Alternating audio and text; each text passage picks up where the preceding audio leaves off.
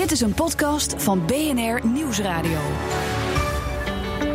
Bijdrage van het onderwijs aan de bloeiende chemiesector is uh, vooral gericht op het feit dat het een bijdrage kan leveren aan de oplossing van een aantal kernwereldproblemen. Als het gaat om uh, milieuproblematiek en energieproblematiek. Het is met name voor die dingen dat chemie een belangrijke bijdrage kan leveren. Hallo, fijn dat je weer bij bent bij een nieuwe aflevering van BNR Captains of Chemistry. Mijn naam is Edwin Mooibroek en in deze achtdelige podcast duik ik in de wereld van chemie en innovatie. Want wat is precies chemie en hoe belangrijk is het voor de BV Nederland? En deze podcast wordt mede mogelijk gemaakt door Axel Nobel. Vandaag ga ik naar de TU in Delft. Ga je mee? Van mijn studentenperiode herinner ik mij uh, de ongelooflijke vrijheid die ik had om naast mijn studie je met andere dingen bezig te houden. En om ja, zeg maar, wijzer te worden op andere gebieden dan alleen maar het vakgebied waarmee je bezig was. Doordat ik die verbreding al in mijn studenten heb, kunnen oppakken. En me geholpen heeft om taken op het gebied van leidinggeven, et cetera, eh, op te nemen. Rijn Willems, van 2003 tot 2007 was u president-directeur van eh, Shell Nederland. Ook was u tot 2011 lid van de Eerste Kamer namens het CDA.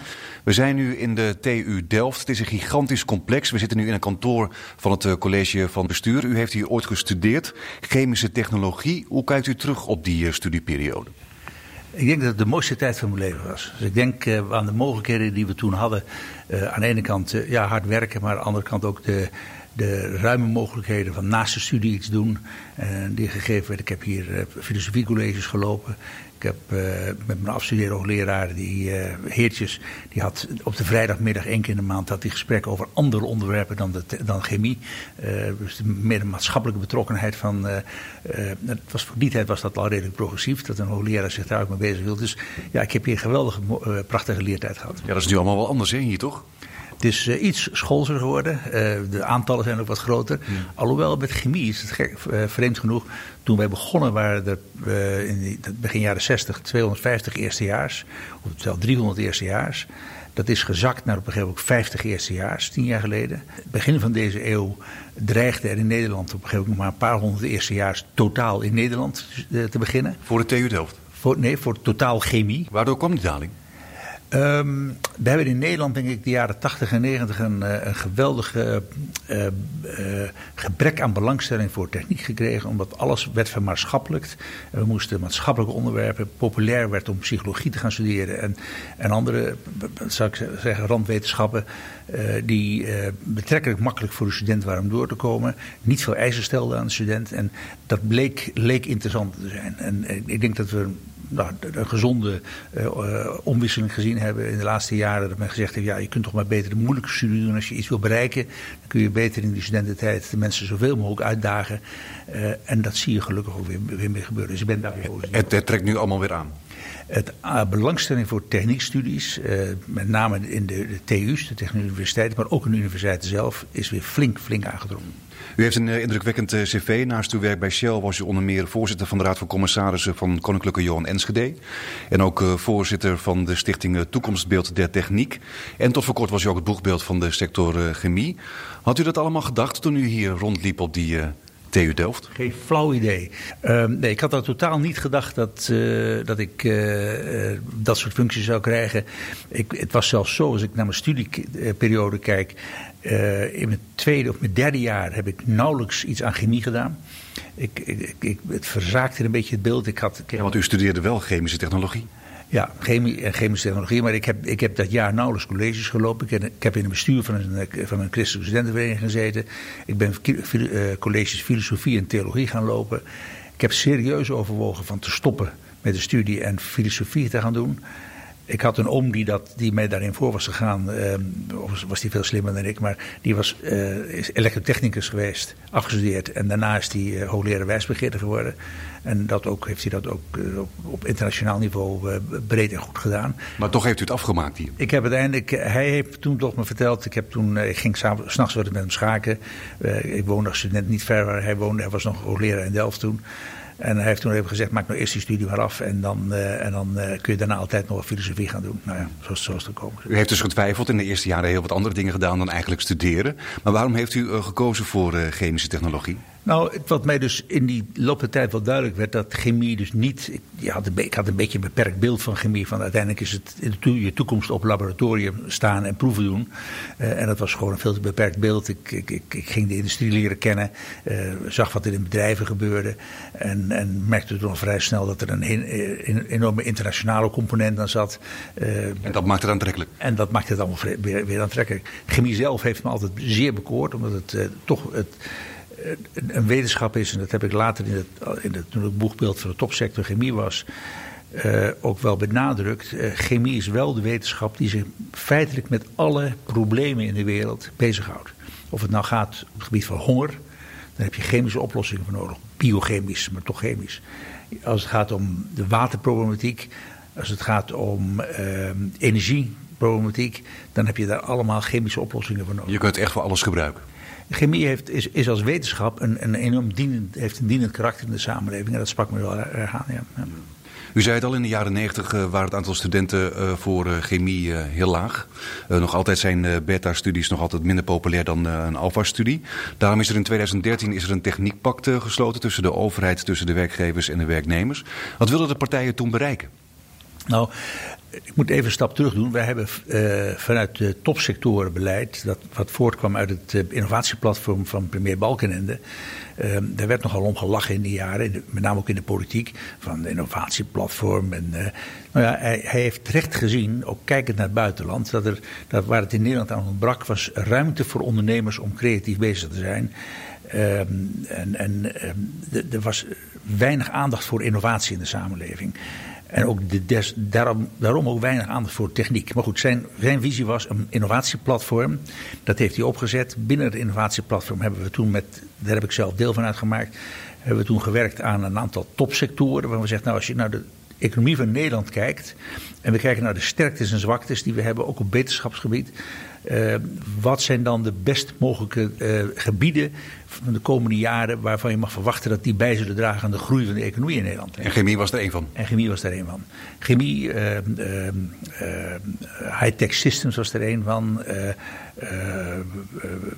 landbouw, land- en tuinbouw was er één van. De creatieve sector was er één van. Wat, wat ik me toen niet realiseerde was dat onze DJ's. Heel groot exportproduct. Enorm groot exportproduct zijn en wereldberoemd zijn. Nou ja, dat, dat, dat, was mijn tijd al voorbij in die zin. Ik was, ik was, ik was niet, niet zo jong meer om me dat te realiseren. Maar toen werd me dat weer, wel weer duidelijk. Dus we hebben enorme potentie als land, maar we nutten dat niet goed. En de overheid, met name investeren zijn kapitaal niet op een efficiënte manier in, uh, in, in, die, in, in die, die topsectoren, wat we later topsectoren zijn gaan noemen. Tegendeel, de overheid die verspreidde al het geld maar een beetje naar wat leuk was bij dat ministerie en bij dat ministerie. Terwijl er nu veel meer gefocust geïnvesteerd wordt daar waar de overheid dat doet, mm -hmm. uh, in, in, in die topsectoren. Dat zijn er overigens later van 6, 9 geworden. Wat ook belangrijk was, dat de overheid is gaan zeggen: ja, we investeren in die zin dat wij graag zouden willen dat de overheid dit, uh, dat het samen doet met het bedrijfsleven. Dat het dus een, een cofinancieringsmechanisme is. Dat er, uh, uh, en dat bedrijfsleven zelf ook de noodzaak daarvan is. Dus vandaar dat er dus al die projecten gekomen zijn, wat samengevat is in die TKI's, mm -hmm. die topkennisinstituten van al die topsectoren, waar dus inderdaad door en overheid en bedrijfsleven geïnvesteerd wordt in onderzoek. En een onderdeel daarvan was het techniekpact? Nou, toen hebben we in die top, als topsectoren ook besloten, gekeken naar de human capital agenda's. Hebben wij de mensen om dit allemaal te doen de komende twintig jaar? Dus elke sector, elke uh, zes, uh, van die zes topsectoren heeft gekeken naar zijn human capital agenda. En toen kwam er één ding werd er duidelijk dat de, het aantal mensen wat in HBO en WO uh, techniek ging doen en en dus mee zou kunnen gaan werken aan die, aan die ontwikkelingen, bij lange na niet voldoende was. Er moest dus echt een, een grote ommekeer komen in de belangstelling. We gingen wat meten en vergelijken met landen om ons heen. En we kwamen erachter dat bijvoorbeeld, uh, uh, als je naar het totaal aantal mensen kijkt wat een techniekstudie uh, deed in Nederland. Dan praat ik over 2007, 2008, zo'n tien jaar geleden. van VMBO, MBO, HBO en WO dan was er ongeveer 2,6 op de 10 jongens of meisjes gingen een techniekstudie doen. Dat is niet heel veel. Dat is niet heel veel. In ons omliggende land was dat 4 op de 10. Uh, nou, dat, ik kan u daar veel meer van vertellen. Het demonstreerde zich ook in allerlei andere onzalige dingen. Bij, waarbij de overheid met technische dingen bezig was en niet begreep waar het over ging. Ook in er waren gewoon te weinig mensen. In de politiek waren er te weinig mensen die iets van, van techniek verstand hadden. En namen zich, oor, maakten zich oordelen aan over dingen waarvan ze eigenlijk niet van af wisten. Dus het zat breed in de samenleving als een probleem. Nou, er is toen er, hebben we een rapport geschreven met die topsectoren samen. En dat heette Naar 4 op de 10. Dus van 2,6 naar 4 op de 10. Wat moet je daarvoor doen? Dat heeft de regering ongelooflijk goed opgepakt. Die heeft vervolgens het Techniekpact uh, uh, gecreëerd. En daar hebben ze een boegbeeld voor aangesteld, Doekle Terpstra. Nou, die hebben een hele serie acties door het hele land heen uh, genomen. Door allerlei onderwijsinstituten maar, en scholen. De school, vanaf lagere school tot middelbare scholen. Hoe krijg je nou meer belangstelling voor de techniek en het doen in, de, in de hoofden van de mensen? Uh, en daar zijn ze wonderwel behoorlijk goed in geslaagd. Ja, het is een stuk verbeterd? Het is een, een enorm stuk verbeterd. In die zin dat uh, als je kijkt naar de toeloop van techniekstudies in VWO, is dat, is dat ruim gestegen.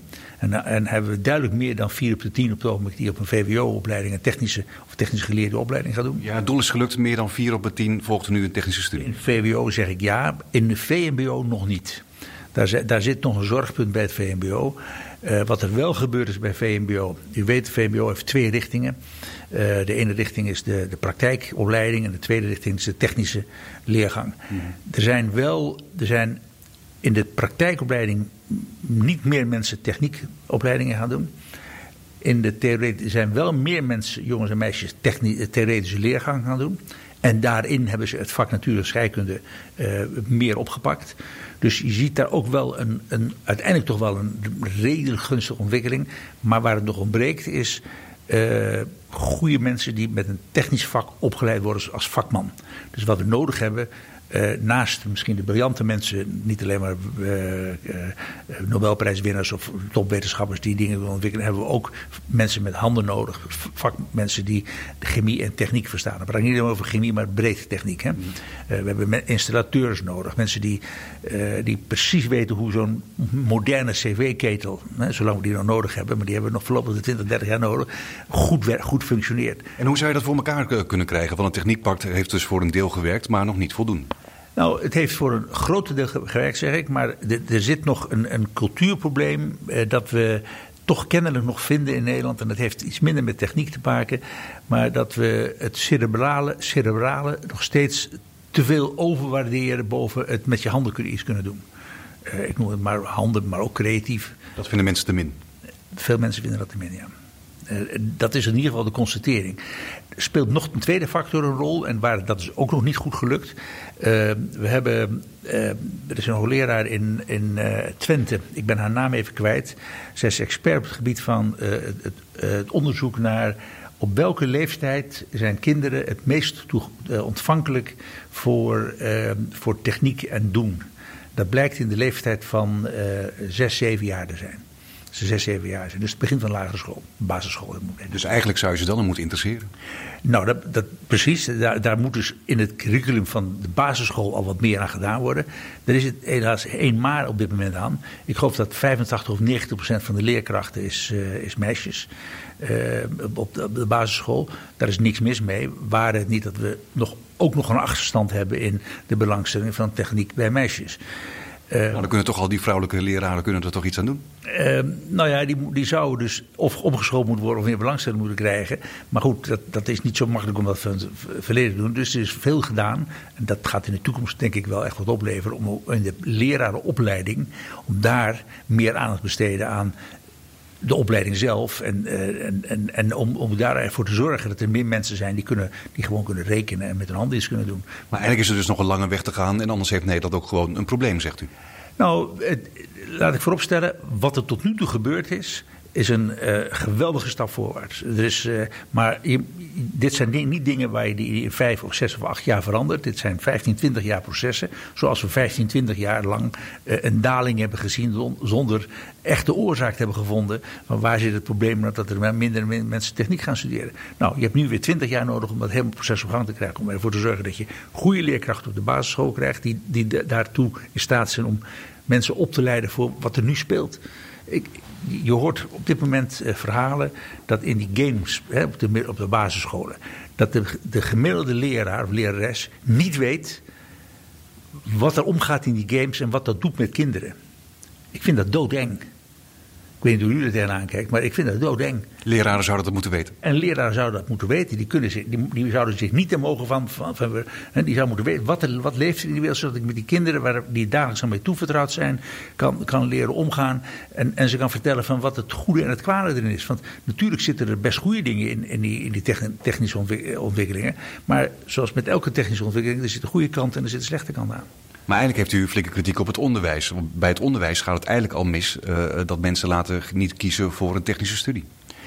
Ik leg, de, ik leg de, de oplossingsvraag neer bij het onderwijs, bij de aanpassing van het onderwijs. En dan zeg ik tegelijkertijd dat er erg veel gebeurd is de laatste paar jaar.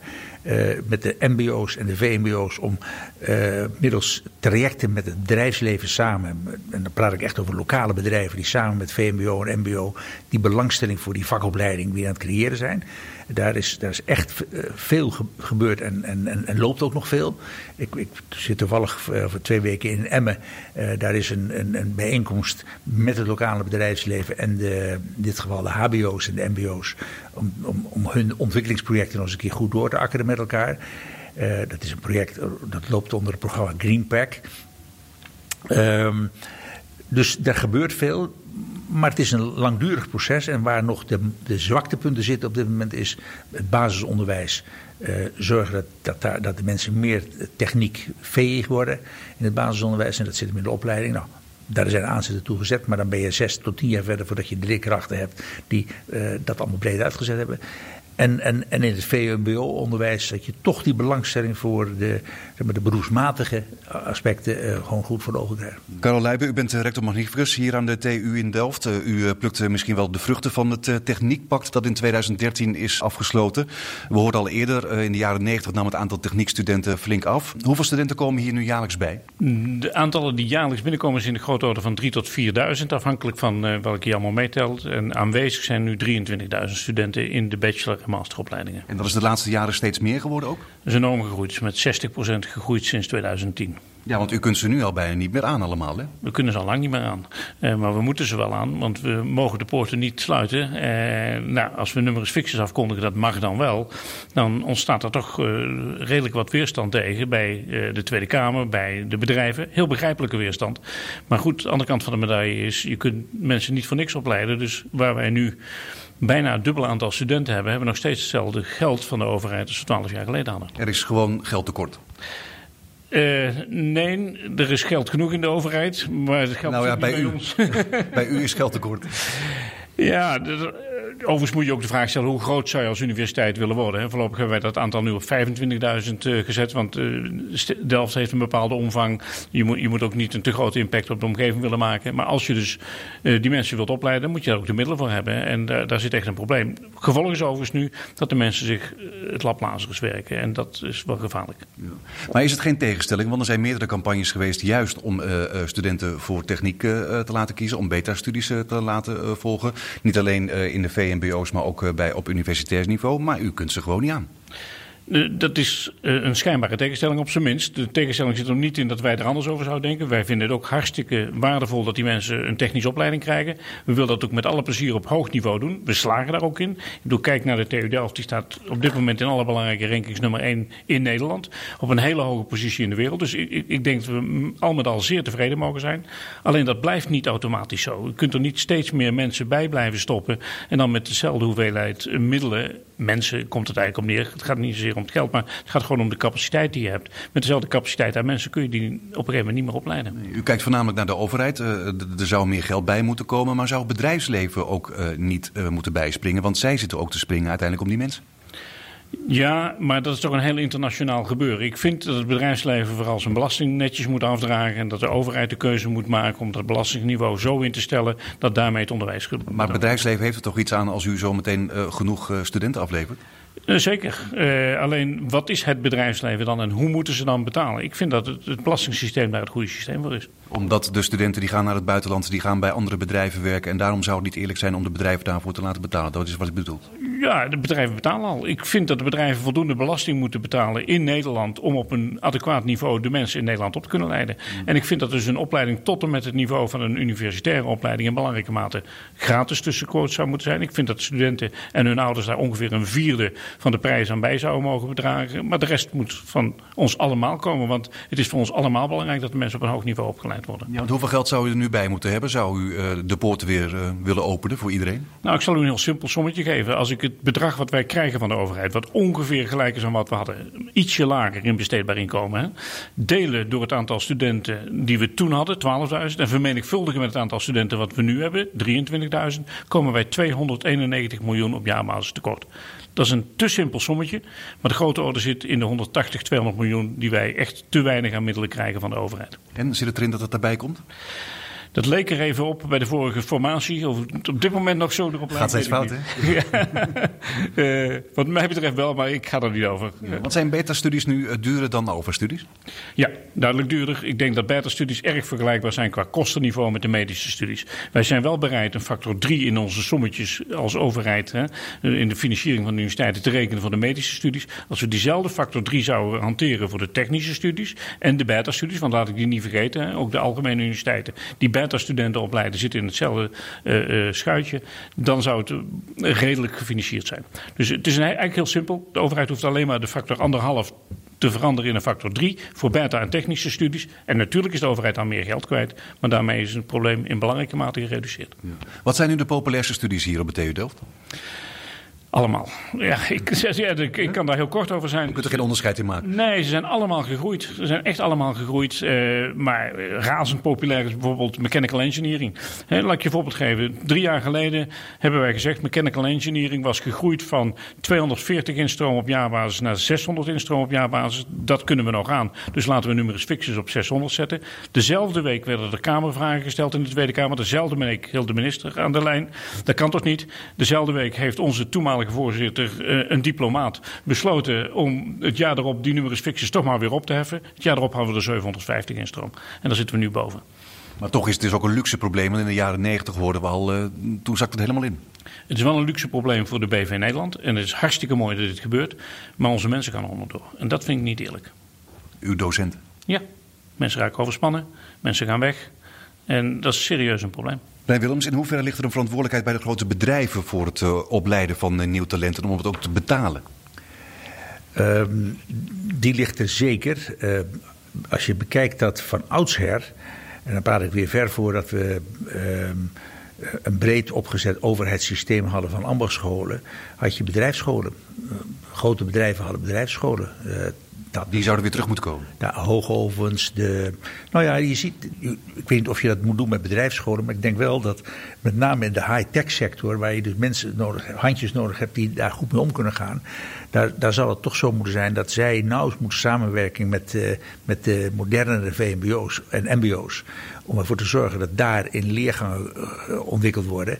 die, die toegespitst zijn op wat er nodig is in de markt op dit moment. Ja, maar hoe zou het kunnen dat die bedrijven en die scholen meer gaan samenwerken? Om, ik, ik, ten eerste gebeurt het al, al meer en meer. Die, zijn al op allerlei gebieden uh, vanuit uh, de MKB-sector wordt er hard aan gewerkt om vanuit die, bedrijven met lokale, en, en het zijn echt lokale plannen die op, opgezet worden door heel Nederland heen, met VMBO's en MBO's, opleidingen te creëren die toegespitst zijn op wat zij nodig hebben. En daar werken ze aan mee door het zij direct financiële steun of steun in natura, door gewoon mensen uit te lenen aan de school tijdelijk voor, om, om ze een, les mee te geven, om ze iets te helpen, te helpen mee te draaien. Er zit een mooie MBO in, in Zwolle.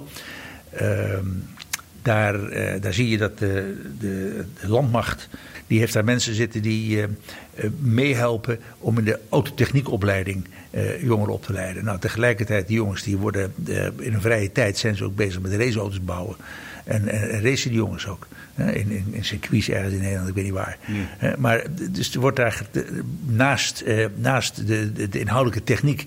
wordt er tegelijkertijd ook een beetje een, een competitive sfeer gecreëerd... voor de jongeren om, om daar mee te werken. Nou, maar, maar, maar zouden bedrijven ook moeten mee betalen? Ik, ik, ik, ik, doe daar geen algemene uitspraak over. Ik, ik, zeg alleen wel, ze moeten daar een stuk verantwoordelijkheid voor nemen. Dat, en dat kan zijn, het zij financieel, maar dat kan ook zijn in natura. Ik vind wel dat, ik vind wel dat bedrijven er, er, er uiteindelijk is het hun eigen interesse. Want als zij geen opleiding, mensen krijgen met de juiste opleiding, uh, dan, dan uh, denk ik dat het te kort door de bocht is dat zij zeggen van uh, de overheid doet het allemaal maar. Ik denk dat, ze, dat er toch wel een verantwoordelijkheid meespeelt van wij, willen meehelpen en werken om te zorgen dat de overheid de goede mensen opleidt. En dat kan betekenen dat je mensen in de, tijd en natuurrust uh, uh, geeft. In sommige gevallen zal het ook zo zijn dat men bedrijfsscholen zelf weer opricht. Als men helemaal weet dat het niet lukt met de overheid of voorlopig niet lukt, ja, dan zal een bedrijf een pure eigen noodzaak zijn, zijn eigen mensen op gaan leiden. Ja, want, want u zegt al, er zijn eigenlijk nog steeds te weinig techniekstudenten, maar hier aan de TU Delft moeten ze ook al een nummersfixes invoeren voor bepaalde opleidingen. Dus ook al zouden er meer studenten zijn. Ze kunnen niet eens. Nou, we moeten even goed oppassen dat we niet over, dat we over dezelfde studenten praten. Dit zijn natuurlijk allemaal hoogopgeleide studenten die hier vandaan komen. Waar ik het net over had, waren natuurlijk VMBO en MBO's.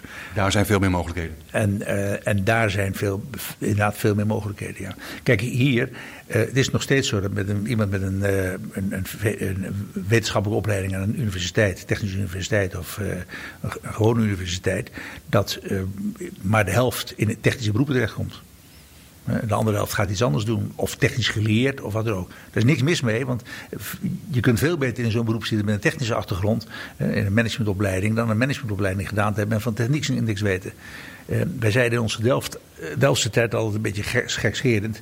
Nou ja, als je wat aan economie en management of recht wil doen, dan je dat in je avonduren er even bij.